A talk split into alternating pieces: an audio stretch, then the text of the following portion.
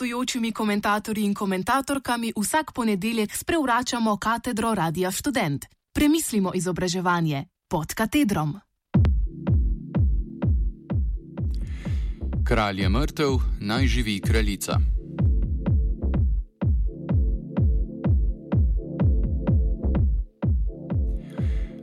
Na Radiu Student smo redno poročali o mariborski sagi z dramatičnimi in tudi komičnimi, oziroma bolje rečeno, bizarnimi elementi. A kakor je bil na vzven to odličen primer analize odnosov moči na univerzi, je bilo za upletene, te, upletene težko in tesnobno, sploh za žrtve nadlegovanja in sindikalistko Marijo Javorni Krečič, ki je na sebi nosila še breme tožbe strani Alfe in Omega, oziroma njegovim dejanjem in vsebini govora bližje Boga in batine mariborskega rektorja Igorja Tičarja. Ne bomo še enkrat obnavljali poteka dogodkov, saj smo sproti poročali, kaj in kako se je dogajalo. Prispevek bo na svetlo potegnil še nekaj skritih podrobnosti, predvsem pa bomo premislili kontekst dogajanja in se vprašali, kaj oprostilna sodba za sindikalistko pravzaprav pomeni oziroma zakaj je tako pomembna, čeprav se na prvi pogled mogoče ne zdi tako.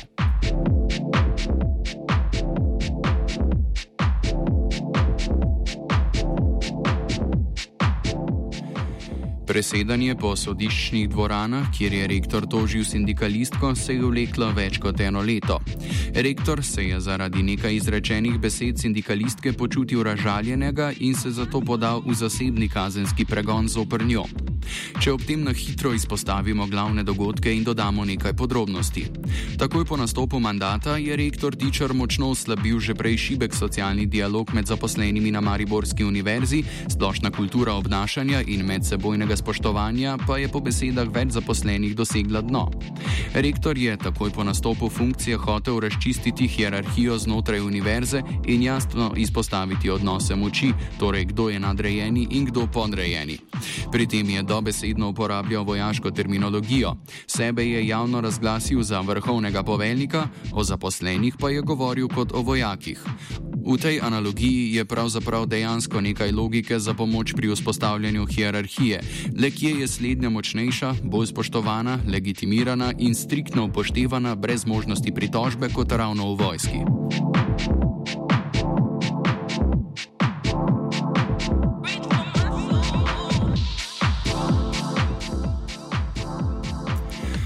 A če ostanemo na univerzi, rektor je prepovedal razprave, zavračal in onemogočal predstavljanje argumentov pri stvarih, ki so ključne za vodenje univerze. Glavni organi so postali nekakšen glasovalni stroj, kjer se je brez debat dvigovalo roke, vso moč je koncentriral v njemu tako ljubi univerzitetni avtonomiji, univerza pa je ostala le še Igor Tičar. Svojo oblast in s tem moč je tako dojemal kot neskončno, kar naj bi mu zagotavljala ravno avtonomija, sebe pa kot nedotakljiv škodljivega. Konkretno si je to predstavljal kot nespoštovanje delovne zakonodaje v aferi mobbinga in spolnega nadlegovanja Vija Lorenčič, ko je pri njegovi razrešitvi odlašal in ni upošteval jasno določenih pravil. Potem so tu še problemi, ker rektor ni usklajeval nazivov in delovnih mest zaposlenih, tudi po razsodbi vrhovnega sodišča ne. V primeru svoje upokojitve pa tudi nespoštovanje interventne zakonodaje, saj bi tičar moral že brezkrbno uživati nekje daleč stran, upokojen.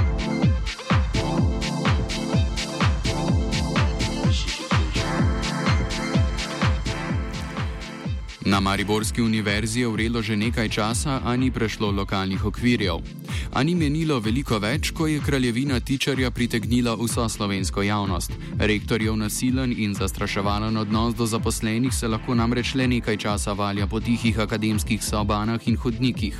Problem, ki je eden ključnih in ki ga želimo izpostaviti v tem prispevku, pa je strah zaposlenih, ko so žrtve nasilja, mobbinga, spolnega nadlegovanja in podobnega, sploh strani nadrejenega, da bi to prijavili.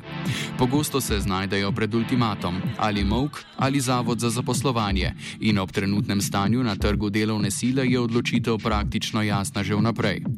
Primer mobinga in seksizma, na katerega je opozorila sindikalistka Marija Javorni Krečič, je rektor Igor Tičar izkoristil za javno demonstracijo svoje moči in grožnjo vsem zaposlenim, ki bi še kdaj pomislili javno spregovoriti o sicer zelo težkih kršitvah in hudih nepravilnostih na univerzi.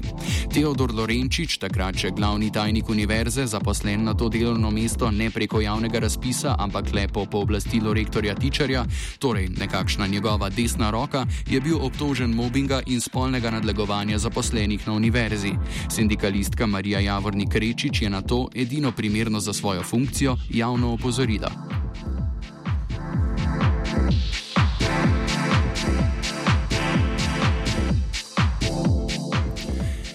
A v kraljevini ima vso oblast in s tem zadnjo besedo kralj. Rektor Tičar je za neposlušnost in nezvestobo ter celo kot kritiko svojega vladanja potegnil potezo, ki je zmedla vse upletene in javnost, ki je spremljala dogajanje. Lorenčiča je po nekaj časa odrešil z funkcije glavnega tajnika in že, zamo, že samo za to potezo, ki bi jo vsako dani situaciji na danem mestu v akademski strukturi storil nemudoma, je bil potreben ogromen interni in javni pritisk, javna pisma, javna razkritja določenih stvari, grožnje zaposlenih z odhodi in tako dalje. A tu se kraljevsko manevriranje z močnim simbolnim sporočilom za vse zaposlene šele začne.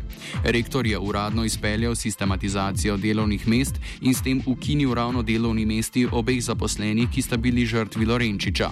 Petra Ujčič in Alen Vidonja sta zasedla visoke in pomembne funkcije mesto pomočnika glavnega tajnika za gospodarske zadeve in pomočnika tajnika za pravne zadeve. Zato je še toliko bolj očitno, da gre pri tako imenovani racionalizaciji za dokaz moči in poduko starim zaposlenim naj, bo, naj tiho trpijo, če hočejo delovno mesto obdržati. Na koncu sta bila Petra in Alen degradirana za kar 12 plačnih razredov. Slednji je na to zapustil univerzo z izredno odpovedjo in jo tožil, tudi Petra je vložila tožbo zopr degradacije, a je potem v zameno za umik umik tožbe dobila službo tajnice na filozofski fakulteti.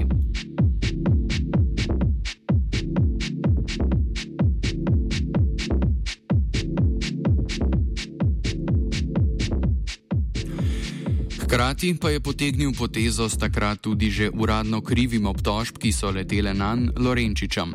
Za nagrado za njegovo uslužnost in zvestobo, oziroma uradno za kazen, ker je storil hude kršitve, je Lorenčiča razrešil in premestil z enega vodilnega mesta na drugega.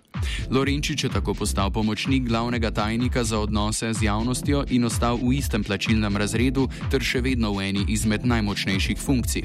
Tako je zaradi svojega greha zoper kralja, ki je bil to, da je sindikalistka Marija Javornik Rečič javno opozorila na kršitve, ki so bile dejansko ugotovljene, rektor potegnil novo potezo. Na sindikalistko se je spravil zasebno tožbo zaradi osebne razžalitve.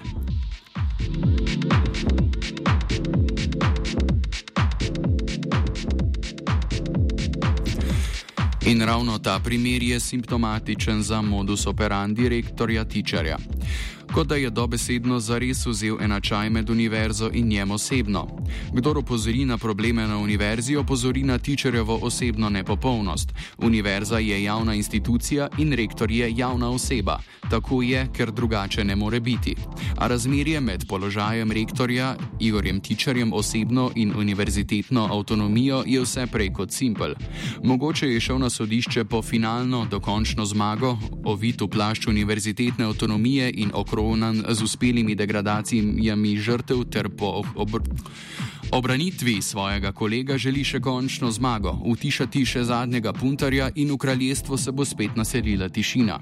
Koliko je računal na to, da si tisti na vrhu drug drugemu krijajo hrbet, no matter what, ljudje na pozicijah moči krijajo hrbet kolegom na pozicijah moči in tako tam linček melje, a ne. Hrčki neprestano tečejo, ne premakne se pa nikamor nič. Spektakel vladajočih zaraja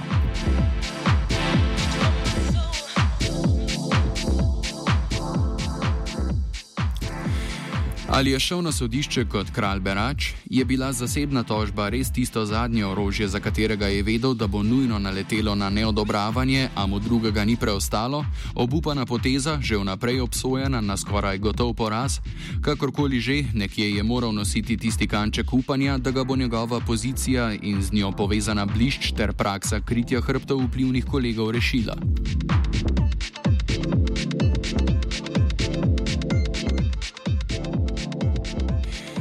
A končalo se je z oprostilno sodbo sindikalistke. Drugače sploh ne bi moglo biti, drugače niti ne bi smelo biti. Obsodba bi dala legitimnost rektorjevemu početju in v eni izmed treh ločenih glavnih točk oblasti v državi zaukazala tišino ob kršitvah ter tiho spodbudila nadaljevanje takšnih praks. A z oprostilno sodbo se je šele zares prikazala beda rektorja Tičarja. Oprostilna obsodba ni letela le na sindikalistko, ampak je s tem, ko je priznala moč in resničnost njenih besed, hkrati obtožila celotno rektorjevo ravnanje.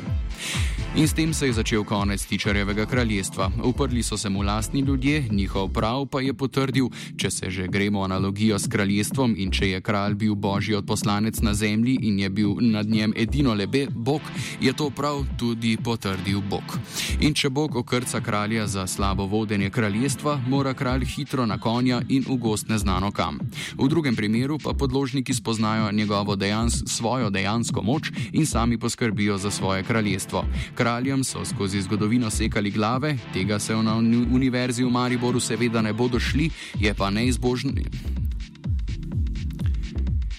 Je pa neizbežno simbolno obglajevanje univerze. Ta sodba je samo še zadnji dokaz o nujnosti tega, zadnja spodbuda. Poguma je bilo vedno dovolj, le strah ga je paraliziral. Z oprostilno obsodbo je prišla legitimnost za takšna dejanja. Glede rektorja pa, nesite ga ven, oziroma ga zaradi let, konec koncev bi tako ali tako mogel biti že v penzionu, preprosto pospremite do vhodnih vrat. Tako se lahko šahovska igra ponovno začne.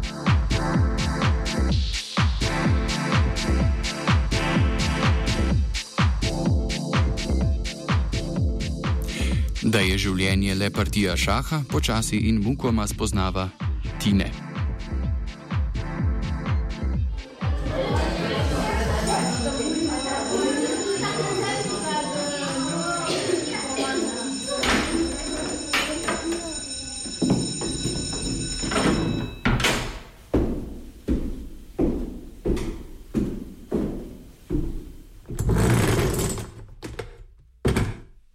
Gostujočimi komentatorji in komentatorkami vsak ponedeljek sprevračamo katedro Radia Student. Premislimo izobraževanje pod katedrom.